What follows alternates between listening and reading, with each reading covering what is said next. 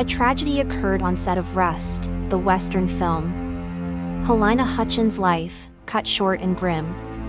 Shot by Alec Baldwin, that's what they say. Involuntary manslaughter is the charge today. Baldwin's defense is that he was unaware. The gun he held had a live round to spare.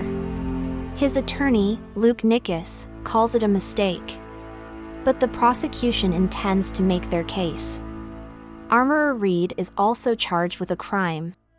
But her attorney says she's done no time. Baldwin calls it unjust, but the law will decide.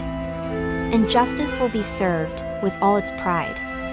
Though the family finds solace in the fact that in New Mexico, no one can act above the law, they've come to see. Justice for Halyna is what will be.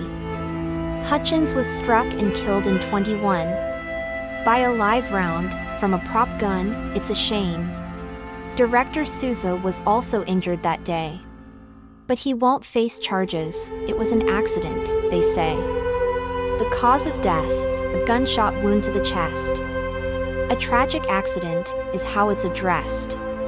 The Hutchins family finds comfort in the law.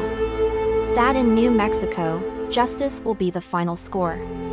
As the case unfolds and the truth is told, we hope for justice for the family bold and for the memory of Halyna Hutchins, who lost her life in this tragic incident.